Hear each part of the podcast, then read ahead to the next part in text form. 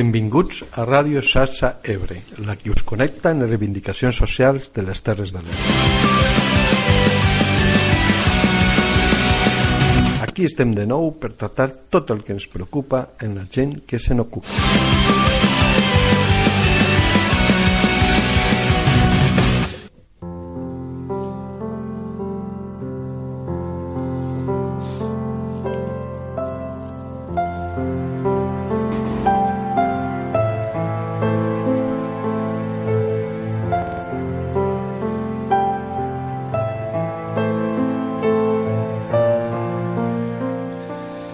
Som amos de la frescor de l'aire ni del centelleig de l'aigua.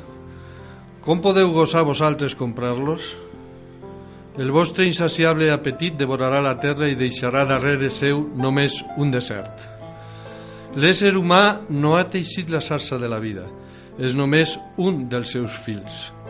Tot el que faci a la sarsa s'ho farà a si mateix.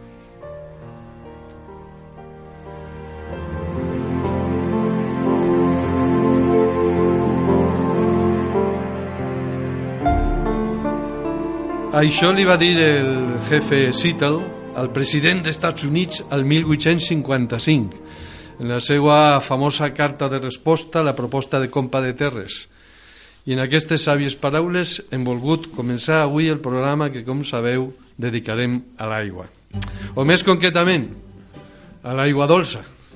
Encara que, com diuen a Nicaragua, quan algú es posa una mica nerviós, diuen que està perdent la dolçor del seu caràcter i sembla que aquesta aigua dolça també està perdent una mica la seva dolçor somesa com està, com ja denunciava el jefe indi americà, a l'insaciable apetit d'alguns. Let me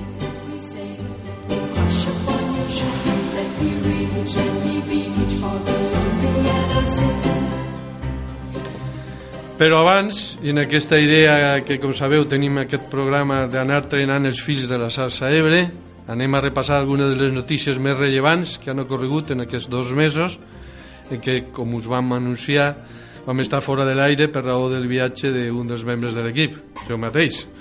Aquest país centroamericà tan volgut i tan torturat pels codiciosos d'aquest món i al que fe referència fa un moment, Nicaragua.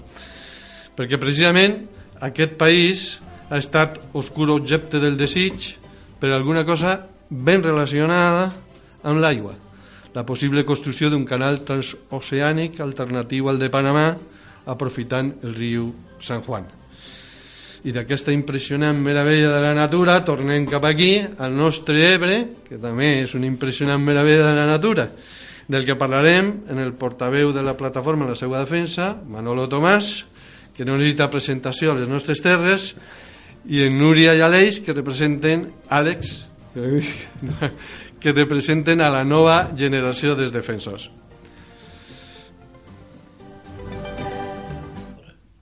Bé, el promès és deute i voldria començar en una bona notícia que té relació directa amb el que van tratar el primer dels nostres programes monogràfics, el relatiu a la salut. L'Hospital de Mora d'Ebre serà gestionat directament pel Servei Català de la Salut si se'n recordeu, en aquest programa van tenir un company, Jaume, que ens va parlar de la situació que estava patint a l'Hospital de Mora d'Ebre, precisament, i de l'empresa Gecosa, i dels capitals que s'anaven cap a Reus, i tota una situació, si s'anava a crear una empresa pública dita Salut Terres de l'Ebre. Finalment, eh, s'han fet declaracions, esperem que es compleixen, de que serà directament gestionat pel Servei Català de la Salut. Això alleugereix a treballadors i a usuaris i compleix en les demandes que es van fer aquí per part de la Marea Blanca. Es felicitem tots, felicitem a Jaume, a Maria José, a tots els companys i companyes que com Cinta Sarró que lluiten per la qualitat dels serveis públics de salut al nostre territori i ara toca estar amatents a que la conselleria dirigida per Alba Vergés compleixi en el pla d'inversions al que s'ha compromès. Ja que estem, continuarem en altra bona notícia que encara que més llunyana ens anima en altres de les reivindicacions socials de les Terres de l'Ebre que hem tratat aquí. La APU s'ha convertit en AU, és a dir, ha deixat de ser autopista de peatge, és una autovia. Eh, això, la APU va de Madrid cap a Burgos i més amunt, Esperem que això mateix acabi passant a la AP7 eh? i que el ministre Ábalos compleixi no només en el territori de què ell procedeix, el País Valencià, sinó en tot el recorregut d'aquesta autopista, deixant de banda la vinyeta que ens volen encolomar en la complicitat, eh? d'alguns de per aquí també. I ara sí que entrem de ple amb el tema que ens ocuparà avui. Hi ha qui diu que una bona part dels conflictes que vindran, si no ja han començat, seran per l'aigua dolça i que po i posen en èmfasi que molts dels productes que utilitzem empren una extraordinària quantitat d'aigua dolça per a la seva fabricació. I no ne som conscients d'aquest malbaratament. Per fer un, una peça de roba moltes vegades s'utilitza una enorme quantitat d'aigua eh? de fet l'altre dia a TV3 vam sentir que un atleta Mina Guli està fent 100 dies de maratons per cridar l'atenció sobre aquest problema. Així ho vam sentir el repte de Mina Gulí és córrer 100 maratons en 100 dies per conscienciar de l'escassetat d'aigua al món. Els experts de l'ONU prediuen que el 2030 la nostra demanda d'aigua serà un 40% més gran que els subministraments disponibles. Un 40% de la demanda d'aigua per sobre dels subministraments, segons la ONU. D'aquí a poc més de 10 anys, eh? no estem parlant d'un període de temps molt llarg, només 10 anys, 12 anyets, d'aquí el 2030. De fet, si ho volem veure una mica de perspectiva, la FAO, l'organització de l'ONU que es dedica a l'agricultura i l'alimentació, calcula que al darrer segle l'extracció d'aigua ha augmentat 1,7 vegades, 1,7 vegades més ràpidament que la població. I mira que aquesta ha crescut en aquest període. Què és el que està passant? Diuen els formalistes de l'economia que aquesta existeix com a àmbit diferenciat de la vida social quan s'han de prendre decisions sobre diverses alternatives front a recursos escassos. Aquest seria el cas, doncs, segons ells, de fer servir criteris suposadament tecnoeconòmics per racionalitzar l'ús d'aquest bé on la demanda supera l'oferta.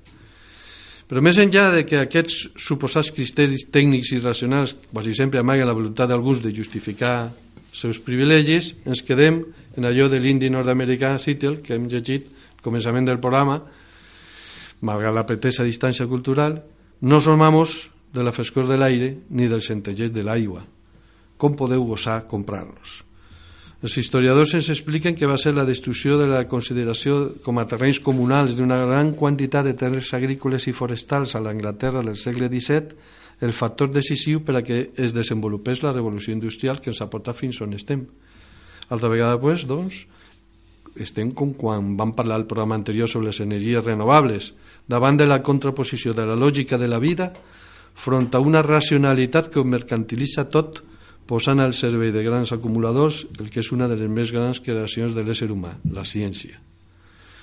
Els antropòlegs que estudien la història de l'economia ens parlen de que abans d'aquesta tremenda mercantilització que envaeix elements tan vitals com aquell que tratem avui, l'aigua dolça, existien altres maneres d'entendre els intercanvis entre els humans, la reciprocitat i la redistribució. La reciprocitat subsisteix encara d'una forma que podien dir un tant arraconada i contaminada entre parents i amics. És allò del avui per mi, demà per tu. La segona, la redistribució, té a veure en la defensa de tot allò que és públic i encara que està patint renovats i greus atacs, continua sent el baluar més efectiu per defensar la vida. Per això veiem en gran interès el que Marc Fong ens explica en el seu article acrític del 29 d'octubre, que després d'una petita pausa musical de seguida comentarem.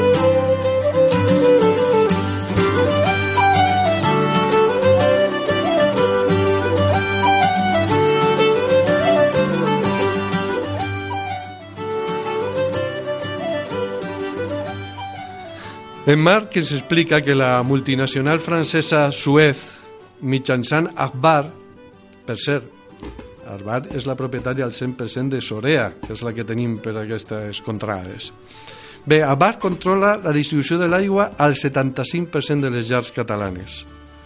I, i Advar va néixer vinculada a la Caixa, la qual encara té una part significativa de les seues accions. Mm? I, a més, també molt vinculada a Convergència. De fet, va donar 900.000 euros a la Fundació CatDen, que està vinculada al famós 3%. No cal que digui de què, perquè ja sabem de què parlem. També surt esquitxada, per ser, a Bar en, el, en la construcció, en certs casos ahí no massa clars, en la construcció del canal Segarra-Garrigues. Opera en 24 països, eh, moltes vegades emprant, com he dit, empreses més menudes com Sorea, que és propietat al 100%, altres són al 80, al 70, depèn. La part positiva de tot això que estem explicant, avui anem de parts positives, anem optimistes, és que ja n'hi ha una dotzena de municipis que han culminat el procés de remunicipalització de l'aigua. Eh? Malgrat que el BAT ha fet tot el possible per torpedinar aquest procés. I no us cansaré explicant un munt d'històries que Marc Font, per cert, explica en el seu article de crític. Eh, són municipis com Arenys de Munt, Colbató, Montornès del Vallès o Olèrdola, i han mostrat que el preu de la gestió pública en la distribució de l'aigua fa baixar un 25% de mitjana. Això és reconegut per l'Agència Catalana de l'Aigua. Eh? I, bueno, estan en, en bones notícies. La més immediata d'això és que fa només 5 dies, avui dia 15, això és del dia 10, que Terrassa, que és un municipi ja de més de 200.000 habitants, és el més gran de Catalunya, que ha remunicipalitzat la seva aigua potable. Això és important saber-ho, és un procés, per aquí baix no en tenim, en aquest sentit, però ahí queda. Lluitant per tot això s'ha constituït una plataforma que es diu Aigua és Vida. Mm, no ha donat temps a que participen en aquest programa, però sí que tenim el compromís d'entrevistar-los per a un proper. Eh, també us volia comentar, i això ja entrem directament a parlar amb els convidats que tenim avui al programa, que la plataforma en defensa de l'Ebre està portant a terme unes jornades, que desenvolupen precisament avui, dissabte 15 de desembre de 2018, a Roquetes, en el títol 18 anys de sinergies entre la plataforma i la comunitat científica, perspectives i reptes per a la lluita en defensa de l'Ebre. D'aquella jornada ens ve avui el primer convidat al programa, Manolo Tomàs, portaveu de la Plataforma en Defensa de l'Ebre, persona ben estimada al territori per la seva incansable constància en favor de la preservació del riu. Li agraïm moltíssim que hagi sortit d'aquesta interessant jornada per fer l'honor al compromís que tenia prèviament en Sassa Ebre. Bon dia, Manolo. Hola, bon dia. També contem amb Núria i Àlex, que representen la generació jove de Lo Riu és Vida. Ho he dit bé així? És així el nom? O com... A veure, digueu-lo sí, no. digueu vosaltres. No, no, el nom del projecte és Generació Lo Riu és Vida, però bueno, no, som dos persones que hem fet un projecte, és un programa de televisió i, i un llibre que editarem. No? Ah, molt bé. Pues sí, no, no som joventuts de res ni... Bueno, sou joves sí, sí, sí, sí. i esteu en la defensa de l'Ebre. Això ho podem sí, home, dir. Des de, des de ben petits. Molt bé, perfecte. Doncs pues benvinguts. Gràcies. Molt bé, presentat els nostres convidats d'avui, posem la sintonia de la secció dedicada al nostre territori i comencem de seguida en ells.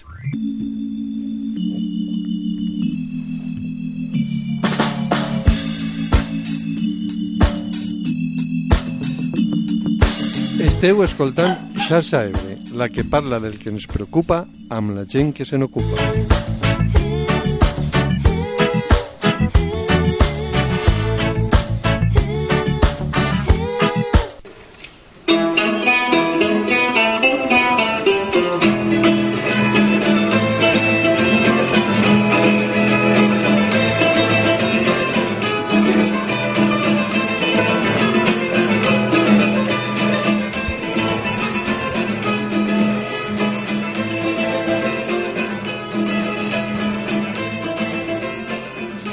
Precisament, Manolo, comencem en tu. Me volem preguntar sobre el subtítol d'aquesta trobada, perquè mm, ahí diu quines són les perspectives i els reptes actuals de la lluita per la defensa de l'Ebre. De fet, entre altres coses, voldríem saber l'opinió de la plataforma sobre la proposta que n'hi ha de, de desviar el riu a Flix per sortejar els sediments. No sé si d'això heu tratat a la jornada o en general ens vols explicar una miqueta les perspectives i els reptes. Bueno, en principi, gràcies per la invitació. Nosaltres estem fent una sèrie de jornades que tenen que veure en els, 18, en el Riu Vida 18 anys de la plataforma de defensa de l'Ebre, que és una idea d'ells. Bàsicament, eh, de Núria i Àlex ens va arribar de que anaven a fer un llibre i un projecte 18 anys ens va semblar, home, doncs, al principi diem 18 anys, sempre fan... Va, doncs anem a fer alguna cosa, no? I llavors lliguem el que seria una sèrie d'activitats que van començar al setembre a, a Tortosa i que acabaran a la primavera a Amposta. Ells faran un llibre, se fa un videoclip i farem un macrofestival, però al mateix temps farem una sèrie de debats d'elements del territori per a que puguin discutir eh, d'on venim la gent de les Terres de l'Ebre, com estem, i després tornem a la pregunta que m'estàs fent cap a on volem anar o cap a on podem anar no? nosaltres tenim una cosa molt clara és que a partir de tots els anys que portem la lluita el moviment social, els 18 de plataforma més els 20 de coordinadora que són 30 i algo eh, nosaltres hem creat una, una, un discurs que va lligat a, a la situació del territori, a la defensa del territori, entenent com un territori molt dependent del riu nosaltres el que definim és si el riu està en bon estat, el territori té bones perspectives per a desenvolupar-se. Si el riu té bon estat, el territori, el riu pot atendre tots els problemes mediambientals que tenim a les, a les Terres d'Ebre i al Delta. Llavors això és una política que en principi pareix de sentit comú però que xoca amb els interessos de la gestió de l'aigua en tota la península ibèrica. La, gestió de l'aigua que se fa a la península ibèrica o a l'estat espanyol és una, és una gestió dedicada al productivisme este productivisme fa que se primiguen eh, interessos econòmics mm, aliens al, a, a, a, a la sensibilitat mediambiental, però també aliens als llocs perifèrics de les grans zones d'activitat econòmica i se, se faciliten lleis que possibiliten trasbassaments, eh, augment de regadius, embassaments, i això d'alguna manera el que fa és mm, entorpir una via de desenvolupament del territori. Llavors nosaltres el que fem a la plataforma de defensa de l'Ebre és això ens hem d'afrontar. I com ens enfrontem? Les Terres de l'Ebre som 180.000 persones. No tots tenim la mateixa visió del territori. És una cosa recient la, el que seria la, la sensibilitat de que som ebrencs. Això és molt recient. Abans érem d'Amposta, de Tortosa, de Mora la Nova, de Mora, de Mora la Vella i tal.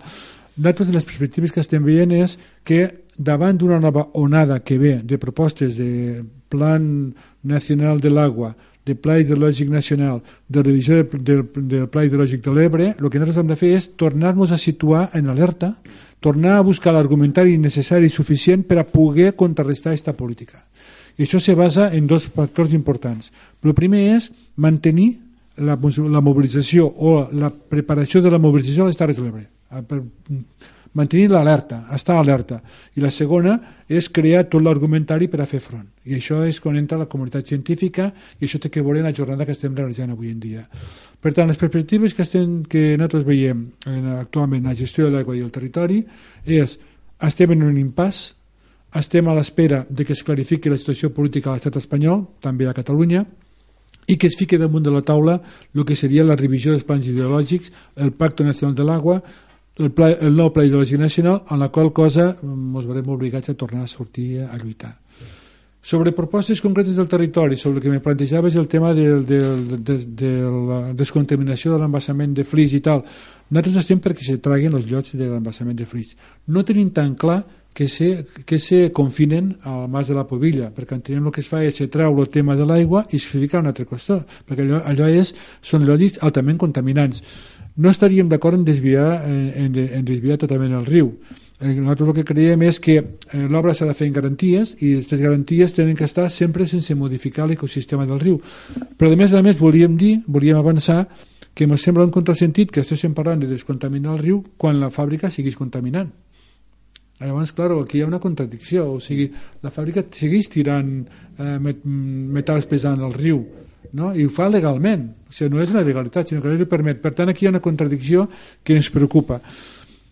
No volem ser alarmistes, ni volem treure el tema molt, molt, molt públicament, perquè això pot pot influenciar o pot tindre conseqüències en l'activitat econòmica de les Terres de l'Ebre i tampoc a ningú ens interessa però sí que ens preocupa que moltes vegades se prenguen decisions sobre el nostre futur d'una manera que ara pensem que és precipitada o frívola o a vegades poc meditada estem atents si alguna cosa creiem que no ens agrada ho denunciarem però en tot cas advertim este període de tranquil·litat aparent s'acaba torna una nova ofensiva de, des dels poders fàctics per tornar a fer polítiques de trasbassament.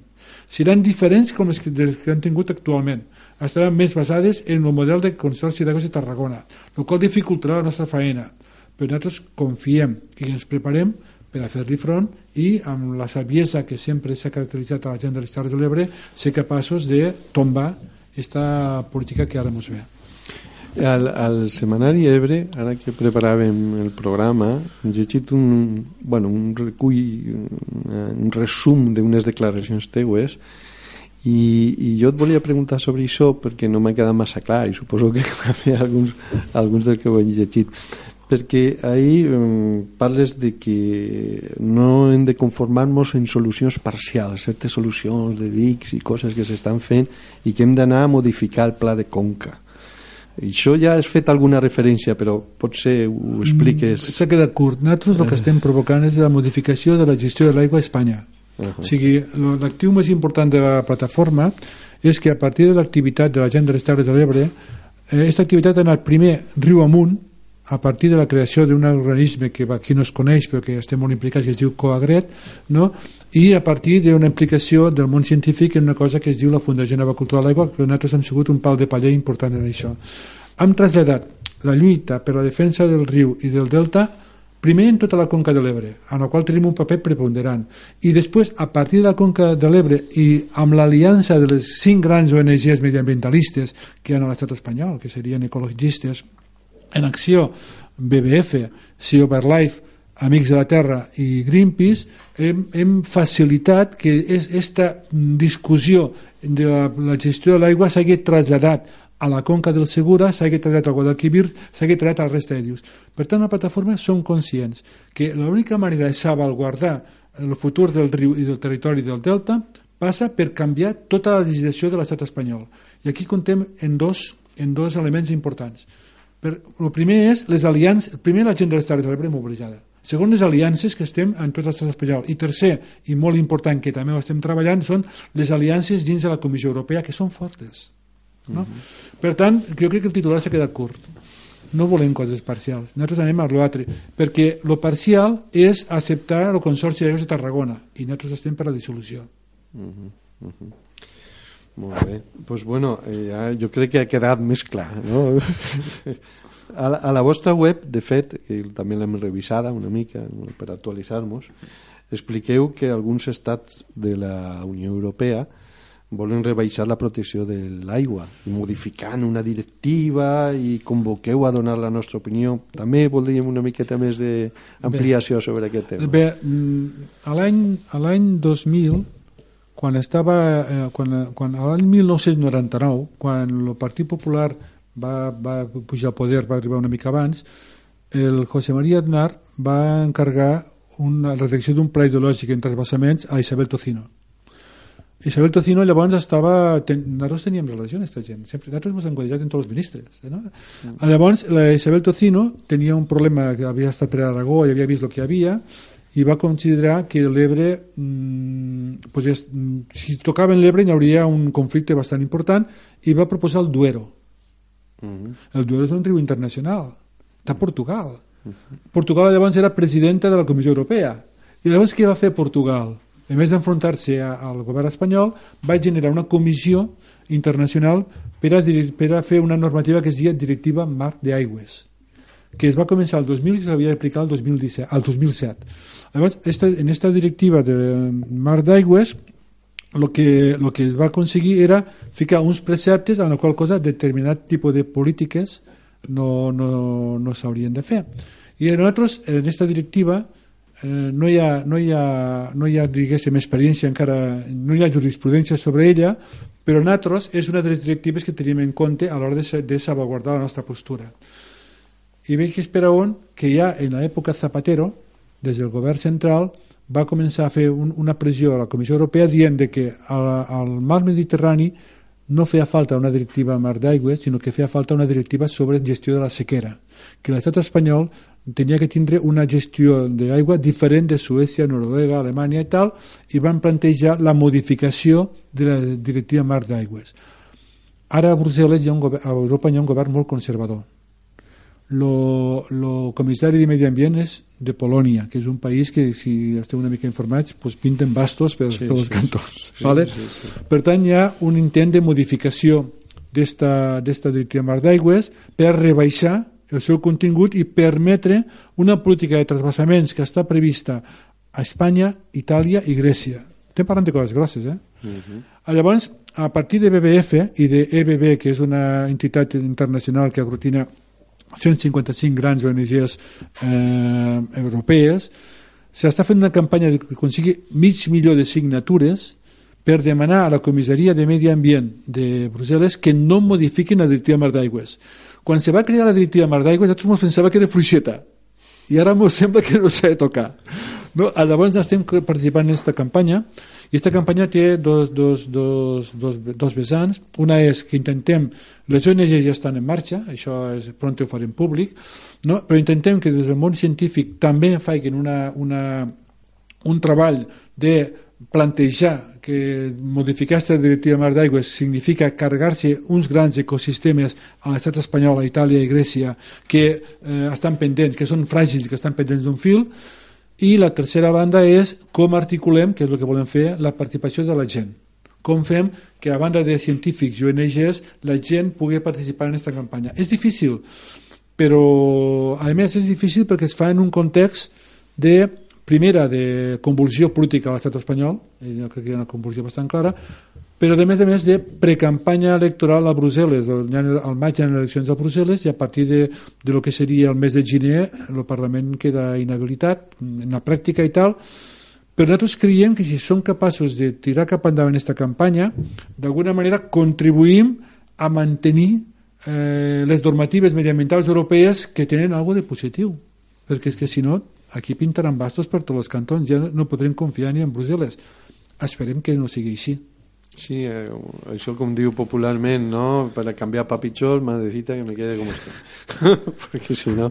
Bueno, te volíem fer també una pregunta ja d'un caire una mica diferent, perquè com l'objectiu d'aquest programa és connectar les experiències de moviments socials d'aquí del territori, ens agradaria, tu que ja portes molt temps a la plataforma, que ens expliqués una mica com us heu organitzat al llarg d'aquests anys, que, com heu fet per, a, per aconseguir aquest moviment tan gran de gent i, i en especial que n'hi hagi també joves i que això tira endavant. Què podeu explicar de la vostra experiència com a moviment social que pugui servir a altres bueno, moviments? Bueno, ho acabo d'explicar fa, fa una hora en set minuts.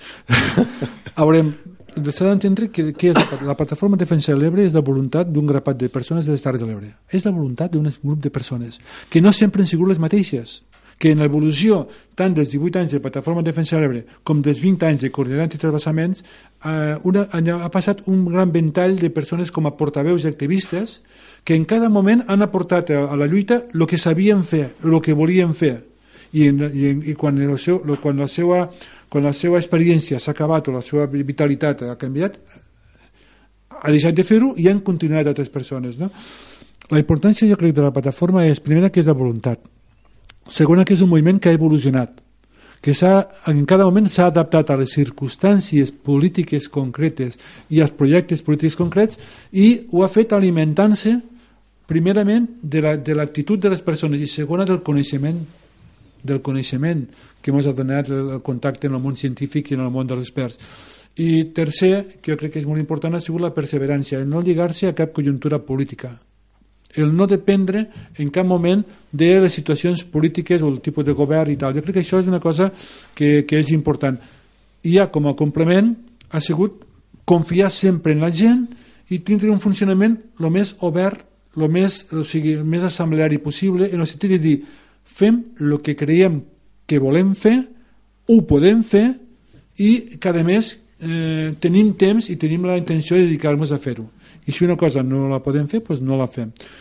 Jo crec que això són valors importants que ha portat la plataforma i he, fet una, una diapositiva a la xerrada d'un amic meu, Gianluca Solera, que ara està per Palestina, no sé on està, però que, que va ser en aquest moment un, un coordinador del grup dels verds europeus, que ens va definir com el moviment social amb, la, amb una filosofia eh, mediambientalista i soci, més potent que no professionalitzat més potent que ell havia conegut en la seva història quan va ser coordinador, que ha sigut 15 anys coordinador dels verds europeus a, a, a Brussel·les. És, és un italià. No? Llavors, clar, jo crec que el que ha fet la plataforma Defensa de l'Ebre ha sigut mantenir uns, unes, una línia eh, sempre el més dins del que hem sapigut, el més objectiva possible i sense intentar ser contaminats per la circumstància política concreta, perquè hi ha una cosa que és evident la política de trasbassaments no ve d'ara. La política de trasbassaments eh, ve de l'any 73. Han hagut vuit propostes de trasbassament de l'Ebre que jo hagi viscut. Una s'ha materialitzat, que ha sigut la Consorci d'Aigües de Tarragona. La resta les hem tombat totes. I llavors això ens ha donat una, una, una, ens ha donat una trajectòria que jo crec que és la clau de, de, la, de la plataforma. És mane que mane, sigui la circumstància política que sigui.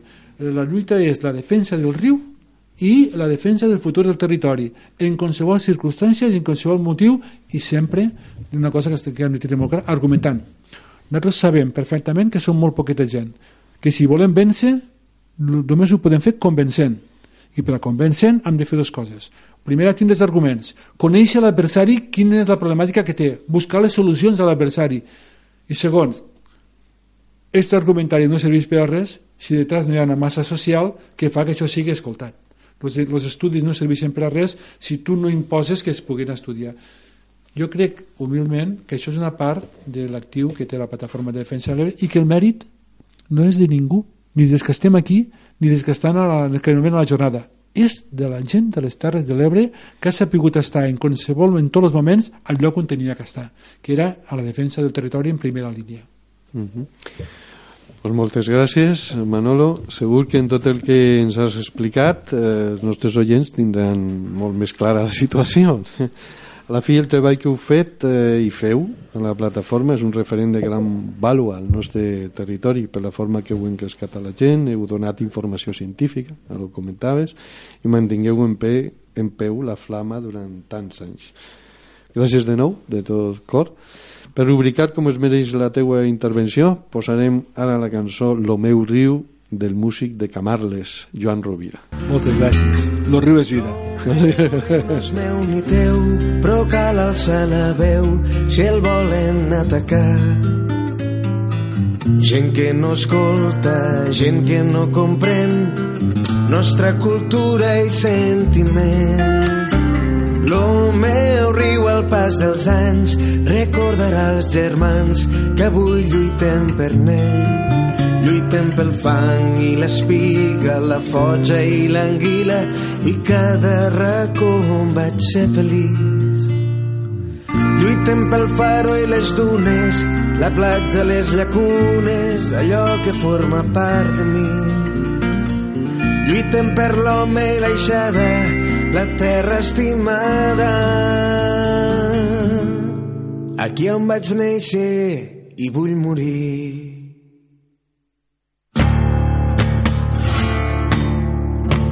Lo meu riu,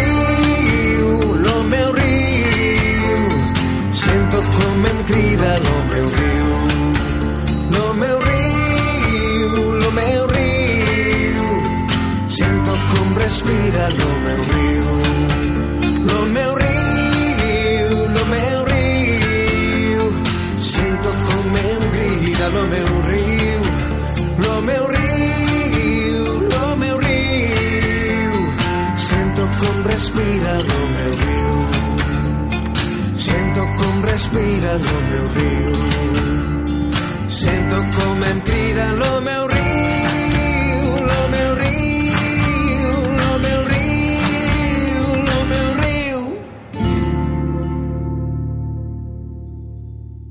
Bé, després d'aquest cant d'en Joan, que diu que el riu no és teu ni meu, és de tots, allò que parlàvem abans, no? Volem encetar la conversa ara amb la gent més jove que tenim aquí a taula, l'Orius Vida, Àlex i Núria. Eh, bueno, eh, potser la primera pregunta no és la que jo tenia preparada, perquè en el que heu dit quasi que m'estimo més començar per preguntar el projecte que teniu entre mans. Expliqueu-lo, això del vídeo, el llibre... Va. Va.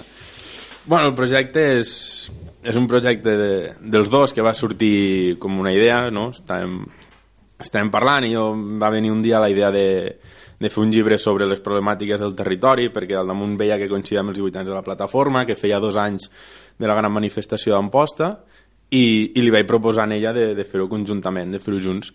I anar parlant doncs va sortir la idea, de part de fer el llibre, de fer també el programa de televisió a Canal Terres de l'Ebre, que hem parlat de totes les problemàtiques ambientals del territori, o de pràcticament totes, i, i al fer este projecte anat parlant amb, amb gent jove per veure les experiències de la gent jove, com han viscut, per nutrir el llibre, i també amb gent de totes les plataformes i, grups de, i alguns grups de música implicats en les lluites del territori. I una cosa que hem vist és que tant la, la gent jove com els músics, com sobretot la gent de les plataformes, sobretot no, la, la CANC, plataforma Flixnet, el plataforma Trens Dignes, la plataforma en contra del Castor, tota aquesta gent sempre, quan li parlaves de la plataforma en defensa de l'Ebre o de l'origen, sempre deien que s'emmirallaven a la plataforma en defensa de l'Ebre, que sempre els han vist com els grans referents del territori, que sempre han volgut estar al seu costat, que sempre han, bueno, els, els admiraven, bàsicament, no? Com, com un jugador de futbol nou que, que admira el jugador de futbol més bo.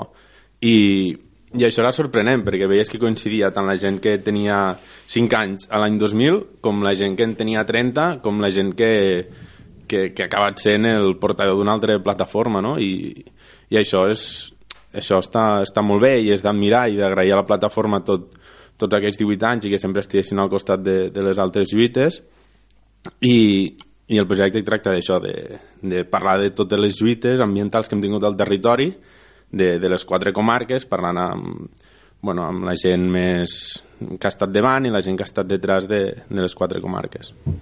Tu, Núria, com t'has engrescat en tot això de la defensa del riu, en el projecte que està explicant Àlex? Bueno, si més no, eh, va ser ell qui, qui em va donar la idea i jo m'engresco en seguida.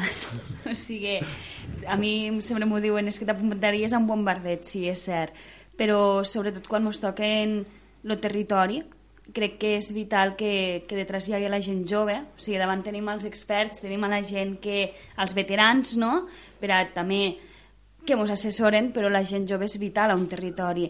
Llavors, crec que era molt necessari agafar aquest punt de vista des de les joventuts, de dir, bueno, com ho vam viure nosaltres, perquè ens hi érem petits, i com hem evolucionat en el pas dels anys.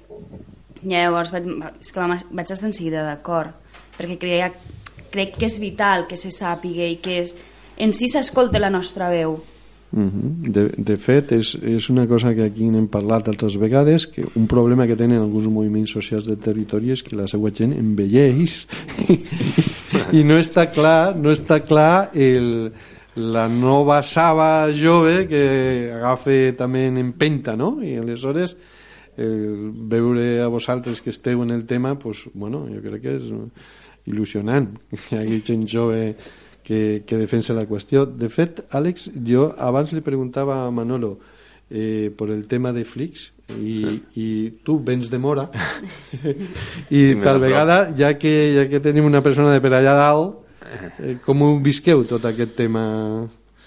Home, que... jo recordo quan, quan se va fer públic la contaminació de Flix, ja, ja fa bastants anys, perquè que se sap de la contaminació, jo recordo que era que era bastant petit quan se va haver tot aquell moviment i vam anar a haver reunions d'última hora al Consell Comarcal de la Ribera i, i clar, jo era petit i jo flipava perquè veia allí una càmera i el cotxe TV3 i pues, anàvem tots els crios allí a, a veure què passava. I ara al cap dels anys pues, amb, amb més consciència veus que el que hi havia que no, que no era simplement una petita contaminació que era que tot el pantà estava contaminat però no de qualsevol, qualsevol producte químic o qualsevol tòxic, sinó de, de productes altament tòxics, productes cancerígens i, i que és molt perillós i per tant s'havia actuar de forma, de forma ràpida i s'havia d'actuar bé amb consciència per, per poder-ho netejar ràpid i sense afectar a la gent de la comarca i la gent de baix de, de flix cap a baix, perquè si s'escapa iots tòxics o mercuri de flix, no, la gent de flix no són els únics perjudicats. De fet, la gent de flix no és perjudicada perquè agafen l'aigua de més a dalt. Els perjudicats són els que estan de flix cap a baix, la gent de Mora, la gent de Tortosa, la gent d'Amposta, la gent de Deltebre, tot el riu. I, I això es veu que no, des de la comarca tenim la sensació de que no s'ha acabat fent bé perquè bueno, està demostrant no, amb tot el xanxullo d'Aquamet, amb que sí que està descontaminat però després veus que no està descontaminat, amb un pressupost que s'ha acabat inflant bastant més del que estava pressupostat, que s'han fet infraestructures sense haver fet un estudi bo per fer-les adequadament, perquè per exemple anaven a agafar els jocs tòxics no? amb una draga per a que la contaminació no toqués amb l'oxigen. I això després s'havia de depurar. I van fer la depuradora molt més petita de la que necessitaven. I per tant ho van tenir que acabar agafant amb una pala bivalva que això el que feia era treure els jocs de, de, de sota l'aigua que, que agafessin contacte amb l'aire i l'oxigen i reaccionessin i fessin bueno, pues que a Flix se sentessin més pudors de, de lo habitual pel que ja genera la fàbrica i que es fiqués en risc la, amb possible risc la, la salut de la gent de, de Flix i dels treballadors i no només de Flix sinó també inclús de, dels pobles del voltant. I la sensació que hi ha és bastant de, bueno, bastant de, de ràbia en aquest sentit perquè sí que l'estat espanyol i Aquamet i, i tota aquesta gent bueno, han fet lo que sempre lo que està demostrat que han fet no? sempre uh, mirant el benefici personal i el benefici de l'amic més que que realment necessita el territori i a part també la gent de Flix té una petita sensació de, de deixadesa per part de, per part de la Generalitat de Catalunya perquè veuen que els han deixat sols davant de, de l'Estat i no s'han implicat el suficient. També és veritat que en tot aquest temps pues, ha vingut el 155, ha vingut tot el tema de, del procés i això també feia que, que es dificultés. Mm, Núria, tu eh, em dies que t'engresques així ràpidament i este projecte que heu explicat és com a, com a ambiciós. Parleu de programa de televisió, de llibre, Eh, això és autodidacta o teniu alguna formació prèvia o us heu llençat així com a, com a mitjà de comunicació modest i petit que som nosaltres també ens interessa tot aquest tema de la comunicació eh, sí que és cert que Àlex va tindre la idea eh, qui, però qui va tindre la idea de la televisió potser va ser més cosa meua eh, jo estic treballant al Setmanari L'Ebre ja fa 3 anys i en si vaig pensar, ostres, si quan nosaltres fem les entrevistes als joves com havíem acordat i tal, utilitzem un mòbil per a després recordar i anar escrivint i tal, per què no utilitzem una càmera com ara la que ens estan gravant, no? és, és així. I vam dir, home, pues, també per a fer-nos difusió nosaltres, tal.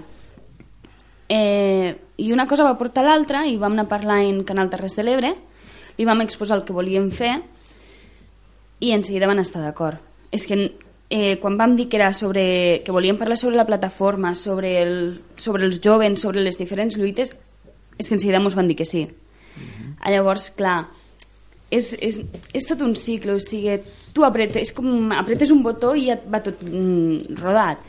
I això va ser així.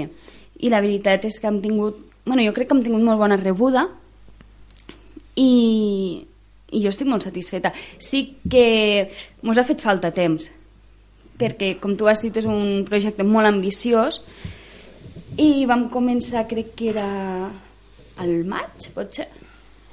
Bueno, finals de maig, principi de juny devia sí. ser ja. I clar, el programa sortia al setembre, el llibre l'havíem de tindre a finals de novembre, perquè clar, vol, sobretot volíem que entrés dins dels 18 anys de la PDE. Llavors, clar, tot va ser com a... Vinga, que no arribem, no arribem. Però mm. ha estat molt gratificant. Sí, no? I, i estudis d'això, no? Vull dir, jo bueno, no. tinc el cicle... jo vaig estudiar química ambiental a Tarragona, sí, periodisme poc.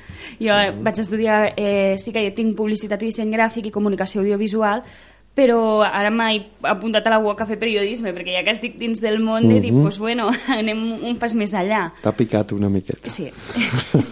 pues molt bé, molt bé.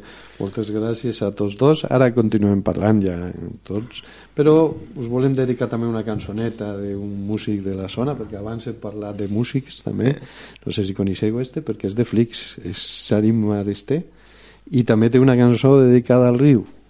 Un es fa el boig, l'altre treu pit, la foquera és plena de cavalls. ens hem quedat muts amb tants crits i ens han segrestat el ball. Correm a carta, riu amunt, com coses entendre el teu poble. Correm a carta, riu amunt, com coses canvia el teu poble. I si ets valent, agafa un lleut, intenta arribar fins al mar. Busca que busca paradís i el tel apunta volnats. I tot l'amor donat per perdut tard o d'hora ens trossejarà. Corre amagat, riu amunt, com goses entendre el teu poble. Corre amagat, riu amunt, com goses canvia el teu poble. Corre amagat, riu amunt, com coses entendre el teu poble. I si ets valent,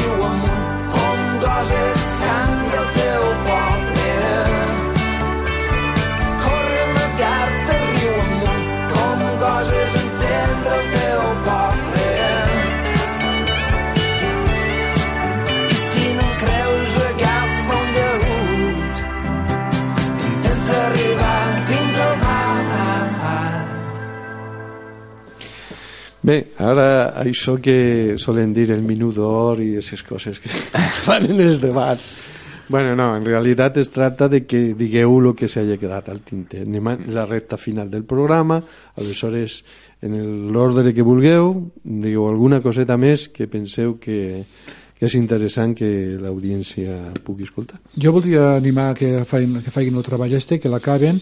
Crec que és important que hi hagi una, una visió dels diferents moviments socials que han hagut a les Terres de l'Ebre.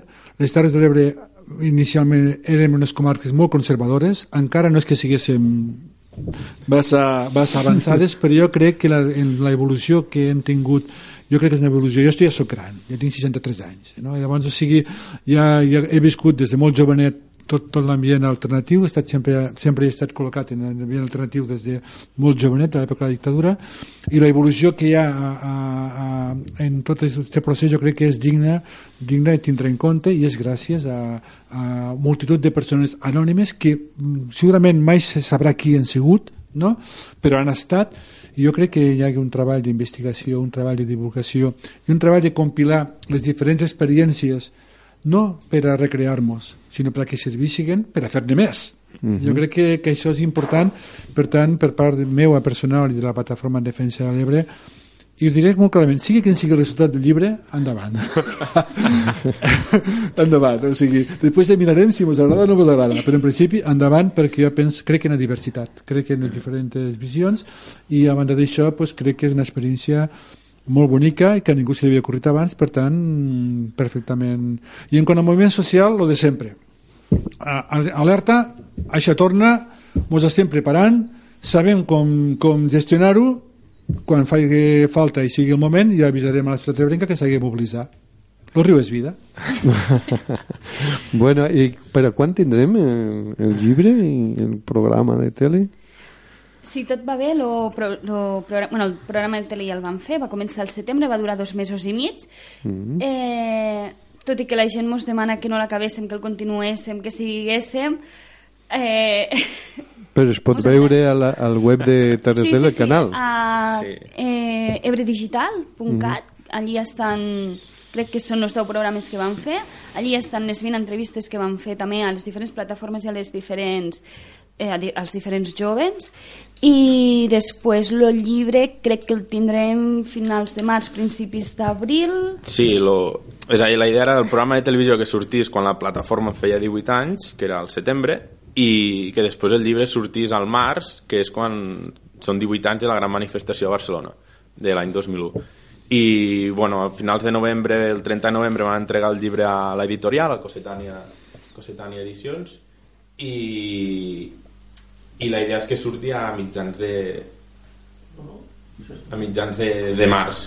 I, i a veure, igual surt una mica més tard, no sé, jo tot això les editorials tampoc sé com va, però la idea és que surti a, a mitjans de març Perfecte, perfecte.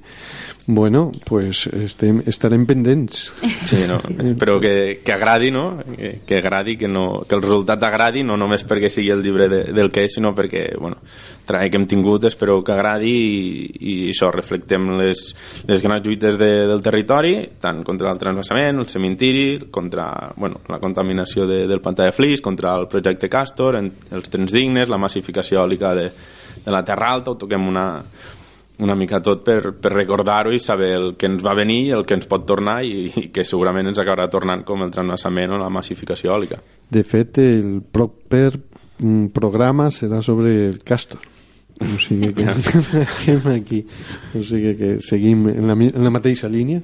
Sí, sí. Doncs. No, i mirant-ho, quasi cada capítol surt el nom de Florentino Pérez. Sí, per tot arreu. A l'autopista també. I Cañete, també. també. Surt bastant, surt bastant. No sé què tindrà, però... Sí, un, és com un pulpo. Ho agafa tot. Allà on poden haver diners. Bé, doncs, moltes gràcies a tots tres. Hem sentit la veu aquí, hem parlat quatre persones eh, del, del tema de, de l'Ebre, de l'aigua dolça, de tot això però eh, també volem sentir l'opinió de molta més gent que pugui escoltar això. Eh, la novetat és que ara tenim de moment un, un telèfon un, per podeu fer missatges d'àudio la gent que ho esteu escoltant.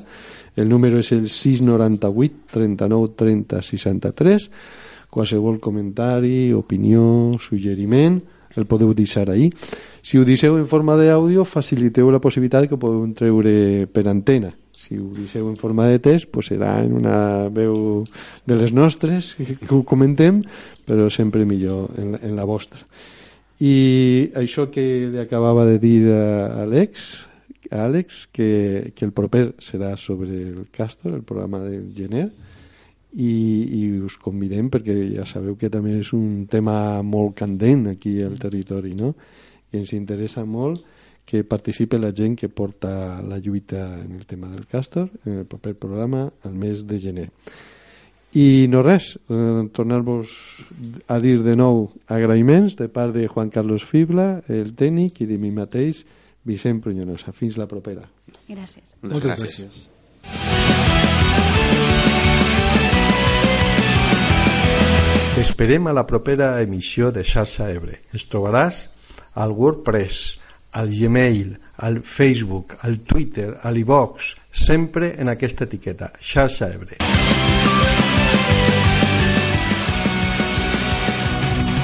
No oblides subscriure't.